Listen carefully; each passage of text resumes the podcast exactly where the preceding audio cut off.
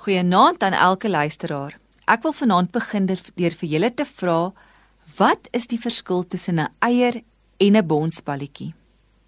Wanneer 'n balletjie op die grond hop, bons hy weer terug, maar wanneer 'n eier op die grond hop, breek hy in stukke. Ek wil hierdie terugbons van die balletjie vandag vergelyk met die konsep van veerkragtigheid.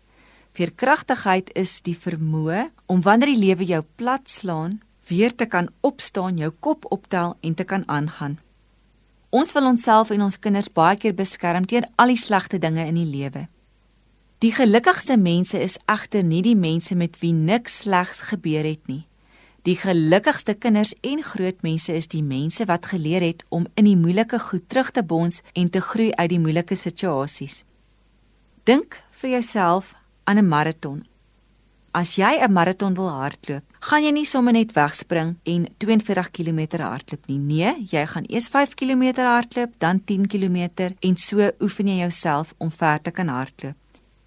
So is dit ook met die terugbons en om teleurstellings te hanteer om veerkragtigheid in jou lewe te oefen is amper soos 'n spier wat jy ontwikkel. Dis nie iets waarmee jy gebore word nie, jy moet dit inoefen. Oor die jare het klomp slim mense geskryf oor hoe dit werk wanneer die lewe jou platslaan. Een van die bekende modelle is die Kubler-Ross model wat praat oor verskillende emosies wat jy beleef wanneer die lewe jou platslaan, soos ontkenning, woede, depressie, onderhandeling, aanvaarding en groei. Al hierdie goed gebeur vir verskillende mense op verskillende maniere, maar vir kragtigheid gaan daaroor dat jy oefen om jouself toe te laat om deur al hierdie emosies te gaan en hoe meer jy deur die emosies gaan, hoe vinniger kan jy later terugbons en weer gewoonweg funksioneer. Daar is egter 3 goed waarin jy kan vasval. Ons noem dit die 3 A's: aandadig, alles en altyd. Mens kan maklik dink dat iets jou skuld was dat dit alles in jou lewe gaan beïnvloed en dat jy vir ewig gaan sleg voel.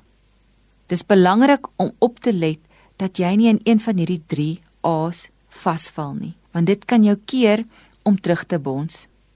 Wanneer jy deur 'n moeilike tyd gaan, oefen jou veerkragtigheid. sien dit as 'n geleentheid. Laat jouself toe om te rou en sorg dat jy nie te lank in een van die 3 A's vashak nie. Kom ons bid saam. Here, Dankie dat U by ons is in die moeilike tye. Amen.